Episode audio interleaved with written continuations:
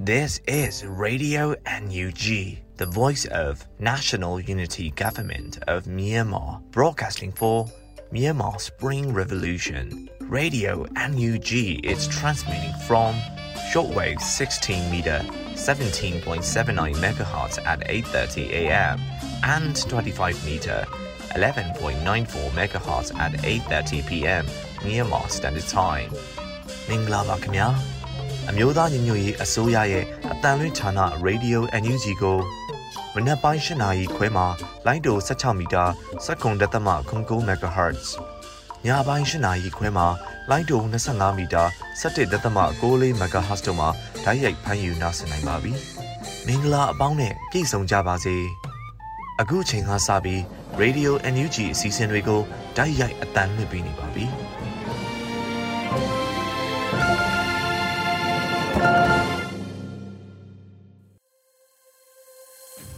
မြန်မာနိုင်ငံသူနိုင်ငံသားအပေါင်းတဘာဝပြီးဆရာနာရှင်ပေတို့ကနေကင်းဝေးပြီးကိုစိတ်နှစ်ပါးဘေးကင်းလုံခြုံကြပါစေလို့ရေဒီယိုအန်ယူဂျီဖွဲ့သားများကဆုတောင်းမြတ်တာပို့သလာရပါတယ်ရှင်။အခုချိန်ကစပြီးကာကွယ်ရေးဝန်ကြီးဌာနရဲ့စီရေးသတင်းချင်းချုပ်ကိုတော့လွတ်လပ်နေဦးကဖတ်ကြားတင်ပြပေးပါတော့မယ်ရှင်။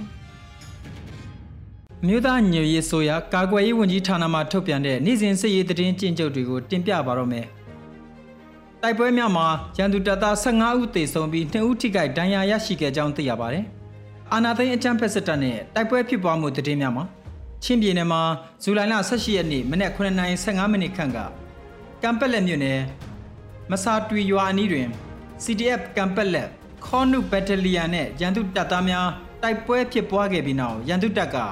မဆာတွီရွာကိုတိုက်လေရင်9စီးနဲ့ပုံကျဲတိုက်ခိုက်ခဲ့တာကြောင့် နေအိမ်အများပြားထိခိုက်ပျက်စီးခဲ့ပြီးအရတားပြည်သူတထောင်ကျော်စစ်ဘေးရှောင်ခဲ့ရပါတယ်။ဇူလိုင်လ18ရက်နေ့မနက်၄နာရီခန့်မှာ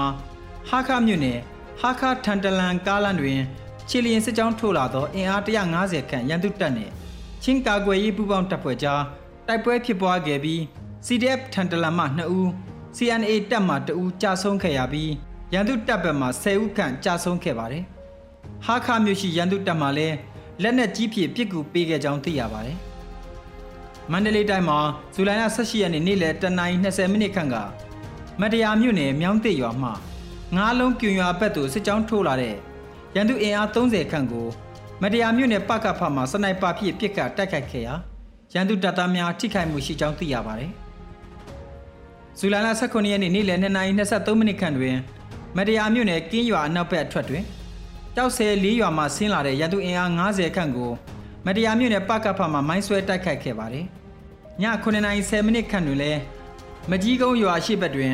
ကြောက်တရားရွာမှအောင်ချမ်းသာရွာဘက်သို့တက်လာတဲ့ရန်သူကားနှစ်စီးကိုရှေ့ထွက်မိုင်းများနဲ့မတရားမြို့နယ်ပကဖကထပ်မံမိုင်းဆွဲတိုက်ခိုက်ခဲ့ကြပါတယ်။မကွေးတိုင်းမှာဇူလိုင်လ18ရက်နေ့မနက်9:45မိနစ်ခန့်ကစိတ်ဖြူမြို့နယ်တပြေကြီးရွာအနောက်ဘက်သို့ဝင်ရောက်လာသော ရန်သူတပ်ဖွဲ့ဝင်အင်အား9ဦးလိုက်ပါလာတဲ့စစ်ကားတစ်စီးကိုပြည်သူ့ကာကွယ်ရေးတပ်မတော်ပကုတ်ကူခရိုင်အမှတ်လေးတပ်ရင်တပ်ခွဲတစ်ကပရိသာမိုင်းများနဲ့မိုင်းဆွဲတိုက်ခိုက်ရာရန်သူတပ်ဖွဲ့ဝင်၄ဦးသေဆုံးပြီးတဦးပြင်းထန်စွာဒဏ်ရာရရှိကာစစ်ကားမှာသုံးမရအောင်ပျက်စီးသွားခဲ့ပါတယ်။ပဲခူးတိုင်းမှာတော့ဇူလိုင်လ18ရက်နေ့မနက်4:55မိနစ်ခန့်မှာရီတာရှည်မြို့နယ်ကျွဲရိုင်းပြင်ကြီးရွာရှိတောင်ဘက်စစ်တောင်းမြကူတရားပေါ်ရှိအင်အား90ဦးဝန်းကျင်ခန့်ရှိသော ရန်သူတပ်စစ်စေးရိတ်ဂိတ်စခန်းကိုတောင်ငူခရိုင်ပြည်သူ့ကာကွယ်ရေးတပ်မတော်တပ်ရင်း3931တပ်ခွဲ3တပ်ခွဲ4တပ်ခွဲ6ရေတာရှည်မြို့နယ်ပကဖနဲ့ PDF ပူးပေါင်းစစ်ကြောင်းတို့မှ40မမလက်နက်ကြီး၅လုံးစတင်ပစ်ခတ်ခဲ့ပြီးနှစ်ဖက်ထိတွေ့တိုက်ပွဲ15မိနစ်ခန့်ဖြစ်ပွားခဲ့ကထိတွေ့မှုအတွင်းရန်သူတပ်ဘက်မှထိခိုက်သေးဆုံးမှုစည်းရင်းကိုစုံစမ်းနေဆဲဖြစ်ပါတယ်။မနေ့9:58မိနစ်ခန့်တွင်စနိုက်ပါဖြင့်ထပ်မံပစ်ခတ်တိုက်ခိုက်ခဲ့ရမှာ ဘန်ကာအတွင်းမှာရန်သူတပ်ဖွဲ့ဝင်တအူးသိမ်းဆုံးခဲ့ပြီးတအူးတန်ရာရရှိခဲ့ပါတယ်။ရန်သူတပ်ကလည်းပြည်သူ့ကာကွယ်ရေးပူးပေါင်းတပ်ဖွဲ့ဝင်များကိုလက်နက်ကြီးများဖြင့်ပြန်လည်ပစ်ခတ်ခဲ့ကြောင်းသိရပါတယ်။အာနာသိန်းအကြမ်းဖက်စစ်တပ်ကကျူးလွန်ခဲ့တဲ့ရာဇဝတ်မှုတွေကိုတင်ပြပါဦးမယ်။စကိုင်းတိုင်းမှာဇူလိုင်လ18ရက်နေ့မနက်9:00နာရီခန့်တွင်ထိကြိုက်မြို့နယ်ထိကြိုက်မြို့ထဲမှထွက်လာသောရန်သူတပ်သားများတီတော်ရွာနဲ့ကြက်တရီချောင်းရွာထဲသို့ရောက်ရှိခဲ့ပြီးမနက်8:50မိနစ်ခန့်မှာ ကြက်တရီချောင်းရွာကိုမိရှို့ဖျက်ဆီးခဲ့ကြပါတယ်။ဇူလိုင်လ18ရက်နေ့မနက်7:45မိနစ်ခန့်မှာမြင်းမူမြို့နယ်မူးမန္တလေးကျေးရွာကိုဝင်ရောက်မိရှို့ဖျက်ဆီးပြီးရွာထဲ၌အခြေပြုနေသောရန်သူတပ်သားများက81မမနှလုံးဖြင့်စင်တလဲကြီးရွာဘက်သို့ပြစ်ခတ်ခဲ့တာကြောင့်အရတားပြည်သူ၄ဦးစိုးရိမ်ရဒဏ်ရာရရှိခဲ့ကြပါတယ်။မန္တလေးတိုင်းမှာဇူလိုင်လ18ရက်နေ့မနေ့ပိုင်းမှာနေ့လယ်2:15မိနစ်ခန့်တွင်မတရားမြို့နယ်ကြက်ပြင်ရွာမှဆင်းလာသော ရန်သူအင်အား90ခန့်ကကင်းရွာနှင့်အောင်ချမ်းသာရွာခေါ်ရွာသားရွာရွာတို့ဝင်ရောက်ပစ်ကမှွေနှောက်၍ပြည်သူပိုင်နေအိမ်များကိုမိရှို့ဖျက်ဆီးနေကြောင်းသိရပါတယ်ခင်ဗျာတောတာရှင်များခင်ဗျာယခုတင်ပြခဲ့တဲ့သတင်းတွေကိုမြေပြင်သတင်းတာဝန်ခံတွေနဲ့ခိုင်လုံသောမိဘသတင်းရင်းမြစ်များမှအခြေခံပြုစုထားတာဖြစ်ပါတယ်ခင်ဗျာ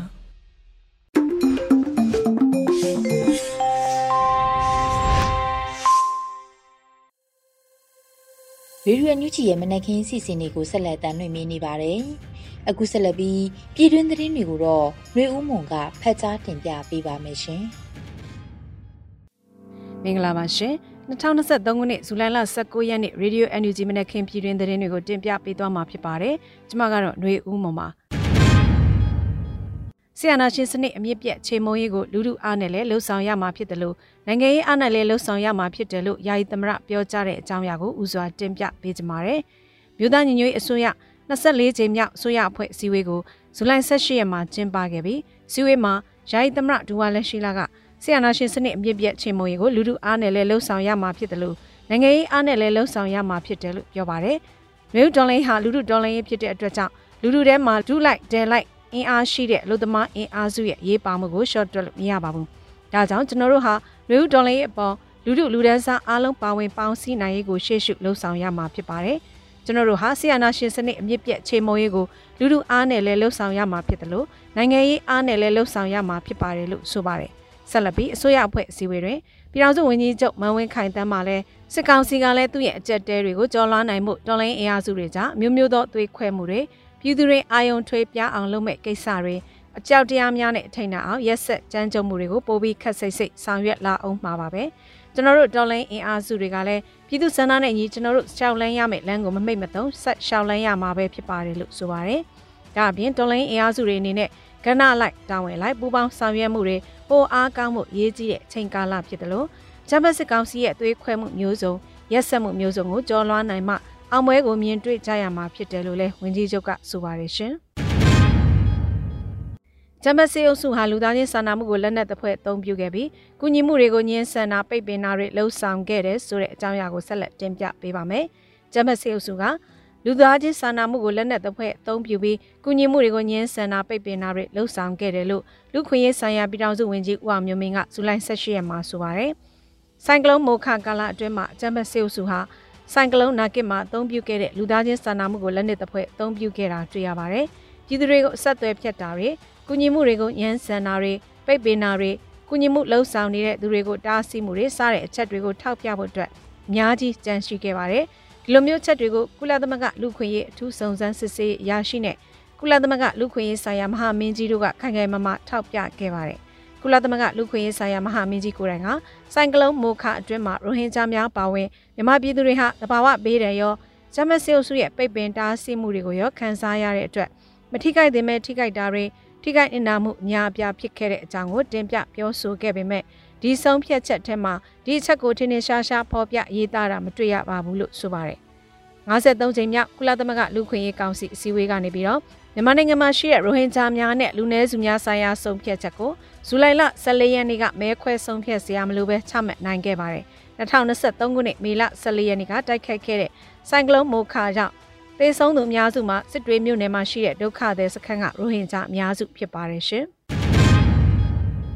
ပြည်သူပညာရေးလုပ်ငန်းကိုနှောက်ယှက်ဖျက်ဆီးသူတွေနဲ့ပြည်သူထက်ဝင်လှူဒန်းငွေမတရားအလွဲသုံးစားတဲ့ကိစ္စတွေအလုံးကိုပညာရေးဝန်ကြီးဌာနကတရားဥပဒေရဆက်လက်လှုပ်ဆောင်မယ်လို့ပညာရေးဒုဝန်ကြီးအသိပေးတဲ့အကြောင်းအရာကိုတင်ပြပေးပါမယ်။ဇူလိုင်18ရက်မှာ FOEIM ကျောင်းနဲ့ပတ်သက်လို့ရှင်းလင်းပြောကြားရမှာပညာရေးဝန်ကြီးဌာနဒုဝန်ကြီးကြားထွက်ပန်ကပြည်သူပညာရေးလုပ်ငန်းကိုနှောက်ယှက်ဖျက်ဆီးသူတွေနဲ့ပြည်သူ့ထက်ဝင်လူဒန်းငွေမတရားအလွဲသုံးစားတဲ့ကိစ္စတွေအလုံးကိုပညာရေးဝန်ကြီးဌာနကတရားဥပဒေရဆက်လက်လှုပ်ဆောင်မယ်လို့ရှင်းလင်းပြောကြားထားပါတယ်။ဒီမှုနဲ့ပတ်သက်ပြီးအချက်လက်တွေမှတ်တမ်းတွေအလုံးဝန်ကြီးဌာနမှာရှိပါတယ်။ဒီမှုဟာ expire ဖြစ်သွားမှာမဟုတ်ပါဘူး။ပွဲကမပြီးသေးပါဘူး။ပြည်သူ့ပညာရေးလုပ်ငန်းကိုနှောက်ယှက်ဖျက်ဆီးသူတွေ ပြည်သူ့ထက်ဝင်လူဒန်းငွေမတရားအလွဲသုံးစားတဲ့ကိစ္စတွေဝန်ထမ်းတွေရဲ့အခွင့်အရေးကိုချိုးဖောက်သူတွေအလုံးကိုဝန်ကြီးဌာနကတရားဥပဒေရဆက်လက်လှုပ်ဆောင်သွားမှာဖြစ်ပါတယ်လို့ဆိုပါတယ်။ဒါအပြင်ဆိုပါ FOEIM ကြောင့်ငွေရေးကြေးကိစ္စများတွင်ပညာရေးဒုဝန်ကြီးကိုခြေမြင့်မရှိဆွဆွဲချက်များမှာမှန်ကန်မှုမရှိကြောင်းပညာရေးဒုဝန်ကြီးမှာမြေပြင်တော်လှန်ရေးနယ်မြေတွင်တော်လှန်ရေးပညာရေးလုပ်ငန်းများသာဆောင်ရွက်နေကြောင်းရှင်းလင်းဆိုထားပါတယ်ရှင်။ ပြည်သူ့ဗန်စစ်ဆေးအဖြစ်အခိုင်အမာရည်တည်ဆောင်ရွက်သွားမယ်မျိုးဖွံ့ဖြိုးရေးဗန်စတင်မိတ်ဆက်တဲ့အကြောင်းအရာကိုလည်းတင်ပြပေးချင်ပါတယ်။ဇူလိုင်18ရက်မှာပြည်သူ့ဗန်စစ်ဆေးအဖြစ်အခိုင်အမာရည်တည်ဆောင်ရွက်သွားမယ်မျိုးဖွံ့ဖြိုးရေးဗန်အဖြစ်စတင်မိတ်ဆက်လိုက်ပါတယ်။မျိုးဖွံ့ဖြိုးရေးဗန်သည်မြန်မာနိုင်ငံ၏ပထမအဦးဆုံးသော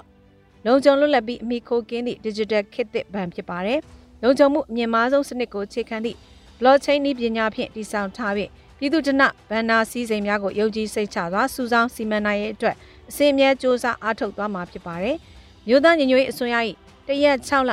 2023ရက်စွဲဖြင့်ဖွဲ့စည်းတည်ထောင်ထားသည့်ဂျားကာလဗဟိုဘဏ်မှစီမင်းချမှတ်ခွင့်ပြုထားသောဗန်လုပ်ငန်းနှင့်ငွေကြေးဝန်ဆောင်မှုတရားဝင်လိုင်စင်ရရှိထားပြီးဖြစ်ပါတယ်လို့ဆိုပါတယ်။ဒါအပြင်ပြည်ထောင်စုသမ္မတမြန်မာနိုင်ငံတော်မြို့သားညီညွတ်ရေးအစိုးရ၏ဂျားကာလဗဟိုဘဏ်နှင့်ပတ်သက်သည့်သတင်းအချက်အလက်များထုတ်ပြန်ကြေညာချက်များကိုပြည်သူလူထုထံသို့အချိန်နဲ့တပြေးညီတင်ပြနိုင်ရတဲ့အတွက်စီမံကိန်းဗန်နာရေးနဲ့ယင်းနှမြုပ်နှံမှုဝန်ကြီးဌာနက ဂျာကာလဗဟိုဘဏ်၏ Facebook လူမှုကွန်ရက်စာမျက်နှာကိုဖွင့်လှစ်လိုက်ပါတယ်လို့သိရှိရပါတယ်။မြို့သားညီညွတ်ရေးအစိုးရ၏ Central Bank of မြန်မာ Facebook page link ကိုမြို့သားညီညွတ်ရေးအစိုးရလူမှုကွန်ရက်စာမျက်နှာမှာဖော်ပြသိပေးကြေညာထားပါတယ်ရှင်။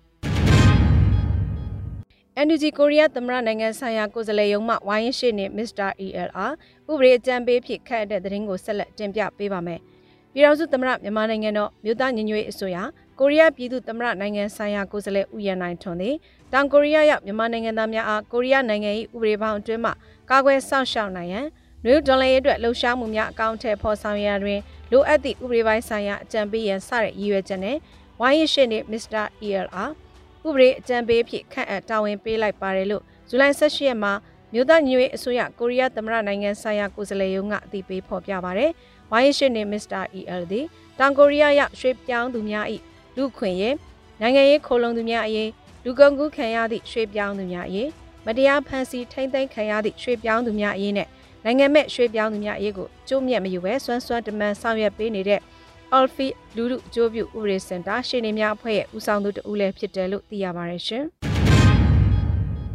ချက်နိုင်ငံ Energy ကိုယ်စားလှယ်ဦးလင်းတန်နဲ့ International IDE ရဲ့အကြီးအကဲဖြစ်တဲ့ Mr. Marcus Brand တို့တွေ့ဆုံဆွေးနွေးတဲ့အကြောင်းအရာကိုလည်းတင်ပြပေးပါဦးမယ်။ ချက်နိုင်ငံ Energy ကိုယ်စားလှယ်ဦးလင်းတန်နဲ့ International IDE ရဲ့အကြီးအကဲဖြစ်တဲ့ Mr. Marcus Brand တို့တွေ့ဆုံဆွေးနွေးခဲ့တယ်လို့ဇူလိုင်18ရက်မှာချက်နိုင်ငံ Energy ကိုယ်စားလှယ်ရုံးကတရားဝင်အသိပေးဖော်ပြပါရတယ်။ Energy ကိုယ်စားလှယ်ဦးလင်းတန်သည် International IDE ရဲ့မြန်မာ program ၏အကြီးအကဲဖြစ်တဲ့ Mr. Marcus Brand နဲ့မြန်မာနိုင်ငံရှိဒီမိုကရက်တစ်အဖွဲ့အစည်းများအားပံ့ပိုးကူညီရန်ဆွေးနွေးခဲ့ပါတယ်လို့ဆိုပါတယ်။ချက်နိုင်ငံ Energy ကိုယ်စားလှယ်ဦးလင်းတန်ဟာ မကြသေးမီကရှေ့တီမောနိုင်ငံသမရကျန်းသစ္စာကျင်းဆိုပွဲကိုလည်း Energy နိုင်ငံသားဝန်ကြီးနဲ့အတူတက်ရောက်ခဲ့ပါသေးတယ်ရှင်။မြို့သားညီညွတ်ရေးအစိုးရ NUG ပါဝင်တိုင်းသားဖွဲ့စည်းတွေနဲ့ရပ်ဘက်ဖွဲ့စည်းတွေအားထုတ်မှုတွေကိုအမေရိကန်ကအားပေးထောက်ခံတယ်လို့အမေရိကန်တန်ယုံအကြီးအကဲပြောဆိုတဲ့အကြောင်းအရာကိုဆက်လက်တင်ပြပေးပါမယ်။မြို့သားညီညွတ်အစိုးရ NUG ပါဝင်တိုင်းသားဖွဲ့စည်းတွေနဲ့ရပ်ဘက်ဖွဲ့စည်းတွေအားထုတ်မှုတွေကိုအမေရိကန်ကအားပေးထောက်ခံတယ်လို့အမေရိကန်တန်ယုံအကြီးအကဲသစ် ဆူဇန်စတီဗင်ဆင်ကဆိုပါတယ်။ဆီယနာရှင်ဖွဲ့စည်းကိုဖိအားပေးဖို့နဲ့ပြစ်မှုကျူးလွန်သူတွေကိုတာဝန်ယူမှုတာဝန်ခံမှုရှိစေဖို့အတွက်နိုင်ငံတကာကကြိုးပမ်းအားထုတ်နေမှုတွေမှာအမေရိကန်ပြည်ထောင်စုဟာရှေ့ဆုံးကပါဝင်နေပါတယ်။မြန်မာနိုင်ငံတော်ပိုင်းအကြီးမားဆုံးဗန်နာရေးအဖွဲ့အစည်းနှစ်ခုပါဝင်လူပုဂ္ဂိုလ်နဲ့အဖွဲ့အစည်းပေါင်းတရားကျော်ကိုလည်းမိမိတို့တန်ခတ်ပိတ်ဆို့ရေးယူခဲ့ပြီးပါပြီ။မဟာမိတ်တွေနဲ့အတူပူးပေါင်းဆောင်ရွက်တဲ့ခုလိုရေးယူမှုတွေဟာအာဏာရှင်ဖွဲ့စည်းကိုဖိအားပေးရာရောက်တယ်လို့ ငွေကြေးစည်းကွက်တွေနဲ့ချိတ်ဆက်ဖို့ပိုပြီးခက်ခဲစေပါတယ်။တစ်ဖက်ကလည်းမြို့သားညီညွတ်ရေးအစိုးရ NUG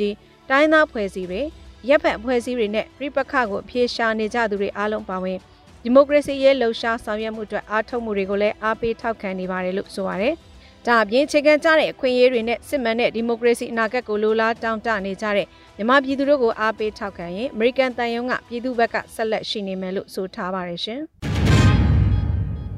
မတရားမြို့နယ်မှာစစ်ကောင်စီတပ်များကရသားများကိုညှဉ်းပန်းနှိပ်စက်တပ်ဖြတ်ထားပြီးရေထဲသို့ပြစ်ချကလောင်းဖြောက်တဲ့တည်င်းကိုလည်းတင်ပြပေးကြပါရစေ။မရယာမြို့နယ်မှာစစ်ကောင်စီတပ်များကရဲသားတွေကိုညှဉ်းပန်းနှိပ်စက်တပ်ဖြတ်ထားပြီးရဲတဲကိုပြစ်ချကလောင်းဖြောက်ခဲ့တယ်လို့ဇူလိုင်16ရက်မှာ Wallet Informational Network ကအဖြစ်စဉ်ကိုအသိပေးဆိုထားပါတယ်။ဇူလိုင်14ရက်မရယာမြို့နယ် Nest ကြီးစင်ရွာဘုံကြီးကျောင်းတွင်ရှိသောစစ်ကောင်စီများသည်ညအုပ်ရာတွေရောက်ရှိလာပြီးလက်သမားလုံနေသောစင်ကူးမြို့နယ်ညာဝန်းရွာသားမြို့သားပြည်သူ၃ဦးနဲ့ မတရားမြို့နယ်ညာအုပ်ရွာသားမြို့သားတအုပ်ကိုဖမ်းဆီးကညောင်အုပ်ရွာတောင်ပိုင်းတွင်နှိပ်စက်ညှဉ်းပန်းရိုက်နှက်ခဲ့တယ်လို့ဆိုပါတယ်။အဲ့နောက်မြို့သား2ဦးသေဆုံးခဲ့ပြီးရေထဲသို့လောင်ဖြောက်ခဲ့ကကျန်မြို့သား2ဦးကိုလည်းနှက်ကြီးစင်ရွာဖုန်ကြီးကျောင်းထဲမှာခေါ်ဆောင်သွားပြီးဇူလိုင်15ရက်နေ့တွင်တပ်ပစ်ခဲ့၍ရေထဲသို့လောင်ဖြောက်မျောခဲ့ပါတယ်။တပ်ခံရတဲ့မြို့သား၄ဦးမှ3ဦးသည်ရေထဲမှပေါ်လာခဲ့ရာစစ်ကောင်စီတပ်များထွက်ခွာသွားခြင်းတွင်ဒေသခံများမှဝိုင်းဝန်း၍မိတကြိုပေးလိုက်ကြောင်းသိရပါတယ်ရှင်။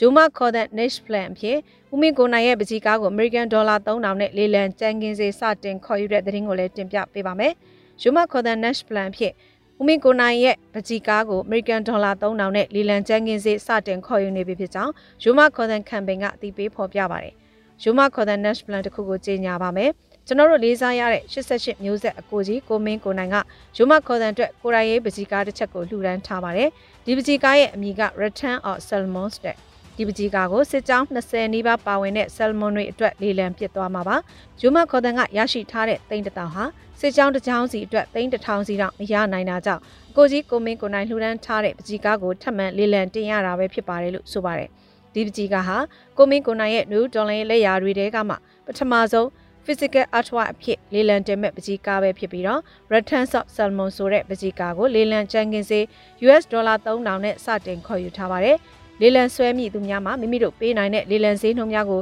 ယူမခေါ်တဲ့ page ရဲ့လေလံ post တွင် comment ၍တော်၎င်းယူမခေါ်တဲ့ page messenger သို့စာပို့၍တော်၎င်းလေလံ bit နိုင်ပါတယ်လို့သိရပါတယ်ရှင်။ခုတင်ပြခဲ့တဲ့သတင်းတွေကို Radio Energy သတင်းတော့မင်းတီဟန်ကပေးပို့ထားတာဖြစ်ပါတယ်ရှင်။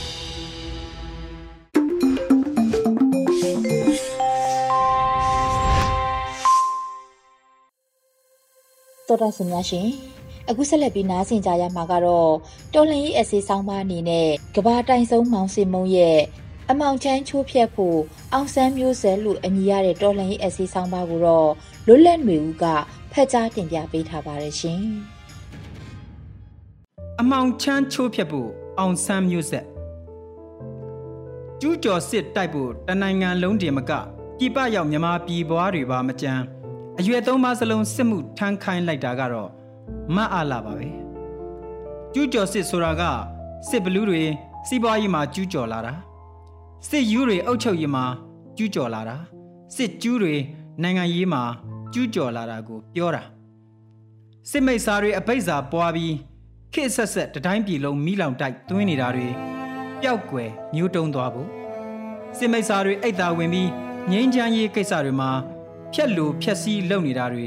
မရှိတော့ဘူး ပြည်သူကိုပြစ်တတ်တဲ့စစ်တပ်ဆိုတာဒီမြေပြင်ပေါ်မှာကို မရှိတော့ဘူးအဘိုးအဘွားတွေပါစစ်မှုထမ်းတာနော်သူတို့ကလစ်အားတရားနာအားမနေဘူးပဲသူတို့တရားနာနာနာလေးထောက်ဖို့အတွက်ပိုက်ပိုက်ရလေတတမိမိတို့လည်းကလစ်ရှက်ကီဘဲတွေလည်းကလစ်ဘောသမားတွေလည်းသူတို့ဘောကြည့်လေထောက်ဖို့ထောလေခစ်က IT ခစ်ကလစ်တာနဲ့ငွေရကြည်တာနဲ့ငွေရ ပုတ်တာနဲ့ငွေရအဲ့ဒီမှာမအလာဖင်ရမိတာမှားပြီးဖြစ်တော့တာပဲမှားတာမှခိုးသား900နဲ့ကိုမှားတာစစ်တပ်ရဲ့ညစ်ပတ်ခွင့်ကုံဆုံးစစ်မင်း30ဘုံထားသမျှတိုင်းပြည်ကိုပြန်ပေးရတော့မယ်ယူဆို့ထားသမျှအန်ချရတော့မယ်အရေးချေမြင်လာတော့ဘောင်းဘီကျွတ်တွေလည်းသွားမပြဲနိုင်တော့ပိုင်ဆိုင်တာတွေများလွန်းလို့ဘယ်ရွှေ့လို့ဘယ်ပြောင်းဘာရောင်းရမှမသိတာတွေကတူးနဲ့ဒီ မအေဘေးမအလာချီပဲထိုင်ဆဲနေကြပြီလေတားစီမြေဆက်အေးဆေးလို့တွက်ထားတာခါပြီလေခုကတတ်နှံ့ရတာနဲ့ကိုတတ်ကြတော့မယ်သူကြီးခိုးထားလူထားညစ်ထားတဲ့စီးစိမ်တင်မကတတ်ထားတဲ့အသက်တွေပါပြန်ပေးရတော့မယ်ကိန်းစိုက်လာပြီလေသိတယ်မဟုတ်လားခွေးယူတကောင်ဝင်လာပြီဆိုခွေးကောင်းတွေလည်းရှောင်ရတယ်ဟိုကောင်ကမဲမဲမြင်ရထိုးကြိုက်တော့တာသွားကြိုက်မိရင် ကိုပါအချောင်ယူမှာခွေးတိုင်းသိအဲခွေးအိုကြီးတိုင်းသိလို့ပြောရမယ်ခွေးယူနဲ့ခွေးကောင်းရှင်မကြိုက်ဘူးဆိုတဲ့စကားပုံတော်လူတွေအတွက်ပေးထားသေးတာချီးစားတဲ့ခွေးချင်းတောင်ရှောင်သေးတာလူကတော့မပြောနဲ့လူတွေကတော့ခွေးယူဟာမသိမချင်းဒုက္ခပေးတော့မှဆိုတာသိတော့တတ်ဖို့လောက်ရတာပဲခွေးယူဆိုတာကကုလို့လည်းမရသေမအယူဇတ်သိမ်းတာမျိုး မသိမချင်းဒုက္ခပေးတာမျိုးကိုခတ်ထောင်းထောင်းခွေးငမိုက်သားတကောင်တလီကသွားကြိုက်တတ်တော့အဲ့ဒီကောင်ပါရှင်းပြရတာမကြခင်သူလဲယူတော့မှလေခွေးဆက်ခင်းတော့ခွေးတက်ဖြစ်သွားတာသာကြည့်ဗမာလွတ်လပ်ရေးအတွက်ထူထောင်ခဲ့တဲ့တပ်မတော်အတွက်ဘယ်လိုမှကိုဖျက်မရတော့တဲ့နာမည်လေးခွေးတက်တဲ့တပ်မတော်သားမိတပ်မတော်သားအဖကနေ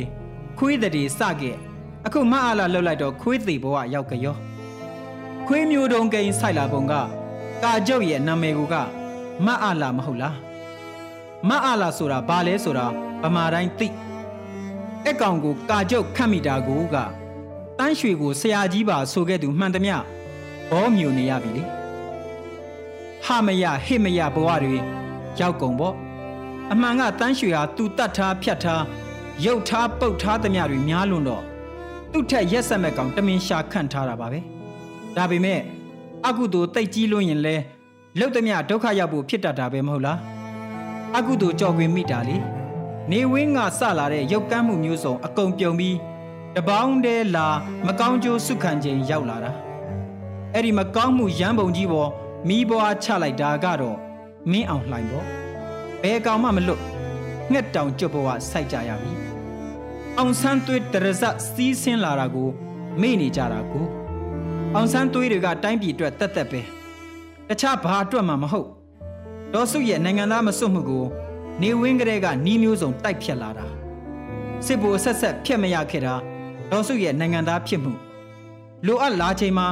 ကဘာလှဲ့နေရကကိုယ့်နိုင်ငံကိုပြန်ရောက်လာတယ်လို့မျိုးရောက်ချလာတာလေတဟာအဲ့ဒီကလေးကသေပန်းစပွင့်ခဲ့တာတကယ်တော့ အောင်ဆန်းမျိုးဆက်ဆိုတာအမောင်ချမ်းချိုးဖြတ်ဖို့တာကဘာတိုင်ဆုံးမောင်စစ်မုံ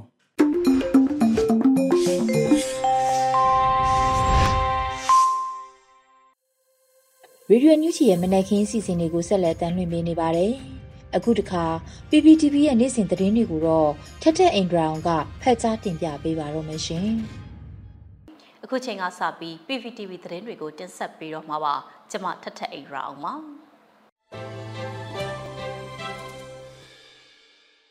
ပထမအဆုံးအနေနဲ့ပြည်ထောင်စုနဲ့လူဝင်မှုကြီးကြပ်ရေးဝန်ကြီးဌာနနဲ့မြို့နယ်ပြည်သူ့အုပ်ချုပ်ရေးအဖွဲ့များတွဲဆုံဆွေးနွေးရဆိုတဲ့သတင်းကိုလည်းတင်ဆက်ပေးပါအောင်မယ်အမျိုးသားညီညွတ်ရေးအစိုးရပြည်ထောင်စုနဲ့လူဝင်မှုကြီးကြပ်ရေးဝန်ကြီးဌာနနဲ့စကိုင်းတိုင်းမကွေးတိုင်းမန္တလေးတိုင်းတို့မှာရှိတဲ့မြို့နယ်ပြည်သူ့အုပ်ချုပ်ရေးအဖွဲ့များတွဲဆုံဆွေးနွေးမှုကိုဇူလိုင်လ18ရက်မနက်10:00နာရီမှာပြုလုပ်ပါတယ်။ အစည်းအဝေးမှာပြည်ထောင်နဲ့လူဝင်မှုကြီးကြပ်ရေးဝန်ကြီးဌာနအမြဲတမ်းအတွင်းဝန်ကဆောင်ရွက်ပြီးစီးမှုရှေ့လုပ်ငန်းစဉ်နဲ့လုပ်ငန်းဆောင်ရွက်ချက်တွေကိုရှင်းလင်းပြောကြားပေးခဲ့ပါတယ်။မြို့နယ်ပြည်သူ့အုပ်ချုပ်ရေးအဖွဲ့ဝင်တွေကမူဝါဒလမ်းညွှန်ချက်တွေမြေပြင်အုပ်ချုပ်ရေးဆောင်ရွက်နေမှုတွေကြုံတွေ့နေရတဲ့အခက်အခဲတွေကိုမေးမြန်းဆွေးနွေးရမှာဝန်ကြီးဌာနတာဝန်ရှိသူတွေကပြန်လည်ဖြေကြားပေးခဲ့ပါတယ်။အစည်းအဝေးကိုအမြဲတမ်းအတွင်းဝန်ကဥဆောင်ပြီးတော့အမြဲတမ်းအတွင်းဝန်များပြည်သူ့အုပ်ချုပ်ရေးဦးစီးဌာန ပြည်သူ့ရဲတပ်ဖွဲ့မိသက်ဦးစီးဌာနလူဝင်မှုကြီးကြပ်ရေးဦးစီးဌာနအထူးစုံစမ်းထောက်လှမ်းရေးဦးစီးဌာနတို့ကတာဝန်ရှိသူများစကိုင်းမကွေမန္တလေးတိုင်းမှာရှိတဲ့မြို့နယ်ပြည်သူ့အုပ်ချုပ်ရေးအဖွဲ့ဝင်များတက်ရောက်ခဲ့တယ်လို့သိရပါဗျ။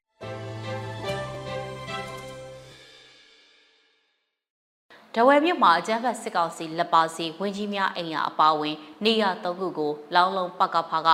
87မမနဲ့ပြစ်ခတ်တိုက်ခိုက်ခဲ့တဲ့ဆိုတဲ့သတင်းကိုတင်ဆက်ပေးခြင်းပါတယ်။တနင်္သာရီတိုင်းတဝယ်မြို့တိုင်းဒေသကြီးလွှတ်တော်ဝန်းအတွင်းမှာရှိတဲ့အကြမ်းဖက်စစ်ကောင်စီလက်ပါစီဝင်းကြီးများအိမ်ယာနေဆက်ရေးရာဌာနတဝဲလောင်းလုံးဆက်သွဲထားတဲ့ကမျောကင်းတဒါအနီးကင်းမုံချတက်ဆွဲနေတဲ့အကြမ်းဖက်စစ်တပ်၃နေရာအားလောင်းလုံးပြည်သူ့ကာကွယ်ရေးတပ်ဖွဲ့က87မမနဲ့တိုက်ခိုက်ခဲ့တယ်လို့သိရပါဗျ။ အကြမ်းဖက်စစ်ကောင်စီလက်အောက်ခံနေရာ၃ခုကိုဇူလိုင်လ16ရက်နေ့ည7:00နာရီမှာလောင်လုံးပြည်သူ့ကာကွယ်ရေးတပ်ဖွဲ့နဲ့အထူးပျောက်ကြားတပ်ဖွဲ့တို့ကပူးပေါင်းတိုက်ခိုက်ခဲ့တယ်လို့အထက်ပါအဖွဲ့အစည်းတို့ကပူးရဲကြေညာချက်ကိုဒီကနေ့ရက်စွဲနဲ့ထုတ်ပြန်ထားတာပါစစ်ကောင်စီလက်ပါစီတွေရဲ့ထိခိုက်ဒေဆုံးမှုတွေကိုအသေးစိတ်သိရှိနိုင်ဖို့ဆက်လက်စုံစမ်းနေစေဖြစ်ကြောင်းလည်းထုတ်ပြန်ထားပါတယ်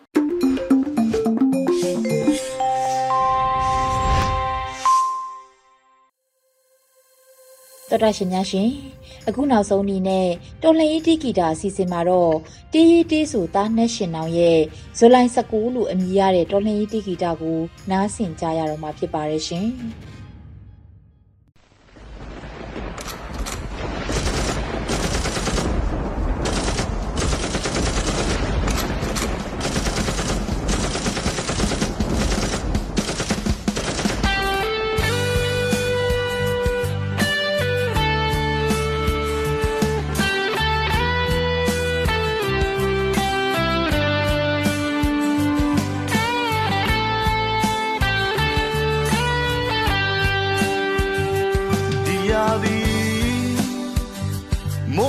သက်တွေ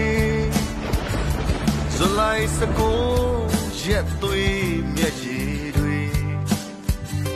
စေနာကြီးပုံစံကိုအာဇာနည်အပေါင်းတို့ရဲ့သွေးစက်တွေလွတ်လပ်ရေးခရီးကိုမှန်တွေခဲ လန်းရင်နဲ့တတွေကျွေးတခင်အောင်ဆန်းတခင်အောင်ဆန်းမန်ပါခါတခင်များနေဒီတော့ပူပါချိုကိုမောင်ထွေကိုမောင်ထွေဦးအောင်မောင်ဆရာရာဇ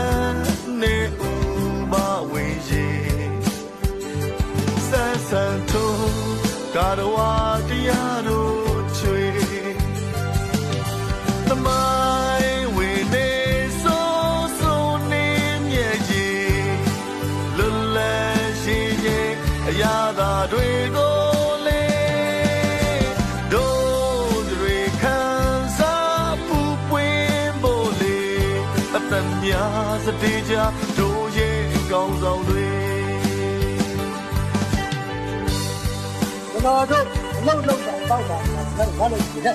အဲ့တော့ဘုရားရေးရဖို့ရရတော့လေဘုရားရေးကဘုရားရေးရတဲ့အခါမှာကြောက်ရောက်လာမဲ့တိုင်းလူပြည်သားလူနဲ့အားလုံးရဲ့ဘာဝန်တွေကိုကျွန်တော်တို့ကဟန်ဆောင်နေပြီဆိုရင်အများတို့ရတဲ့ဘုရားရေးဟာဒီနေ့ရပြီးတော့လက်တင်မှာတစ်ခါနဲ့ပြန်ပါသွားမှာပဲဆိုတာပြောတယ်နဲ့ပြီးတော့ကျွန်တော်တို့ကဒါရသုံးရကစအကုန်လုံးပြန်ပြီးတော့ပုံပြချလုံးတော့မှာဆိုတော့ ကျွန်တော်တို့ကအခြားနိုင်ငံတွေကဒီလန်းတလန်းနိုင်အခြားနိုင်ငံတွေကနိုင်ငံတွေကဒီလန်းတလန်းနိုင်ကျုပ်တို့ကဒီလန်း၄၅၀လန်းနိုင်နိုင်ပါအဲဒီလိုနိုင်နိုင်တဲ့အခါကျမှတော့10နှစ်နှစ်20လောက်ထားတယ်အဲလိုဓာတ်လူဒီလူဖြစ်သွားတယ်ဓာတ်လူညီသူမဖြစ်တဲ့ကာလပတ်လို့ဒီတိုင်းပြည်ကြီးကလွတ်လပ်တဲ့သူတွေနဲ့ဘုလူလည်းပဲမြရတဲ့ကာလနဲ့ကိုတွေ့ရဒီလူနေနေမြရတဲ့ကာလနဲ့ကိုတွေ့ရထားတဲ့လိုနိုင်ငံတို့ဖြစ်နေပါတဲ့က ခင်ဗျားတို့အသိဉာဏ်ပါလို့အချိန်နာကြီးဟောင်းကလေးရှင်မမေးမရနှလုံးသားထမလေးအာနာရှိလပါစေမတမညေပယစခေရာတွေတိုင်းပြည်တွင်အိုး မညာတာပဲမညာတာပဲအာနာဆွေတဲ့နမိတ်ပုံတွေဒီအောင်ဆန်းမန်ပါခိုင်တကေမြာနေဒီတော့ဘူပါချိုကိုမောင်ထွေ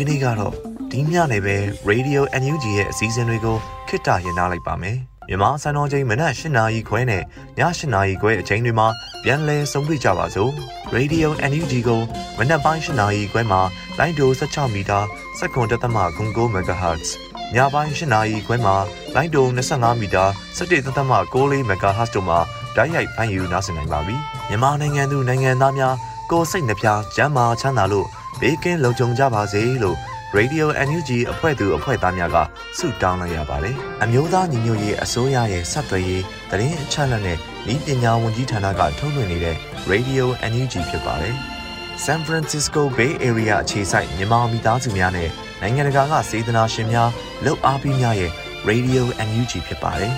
။အရေးတော်ပုံအောင်ရမည်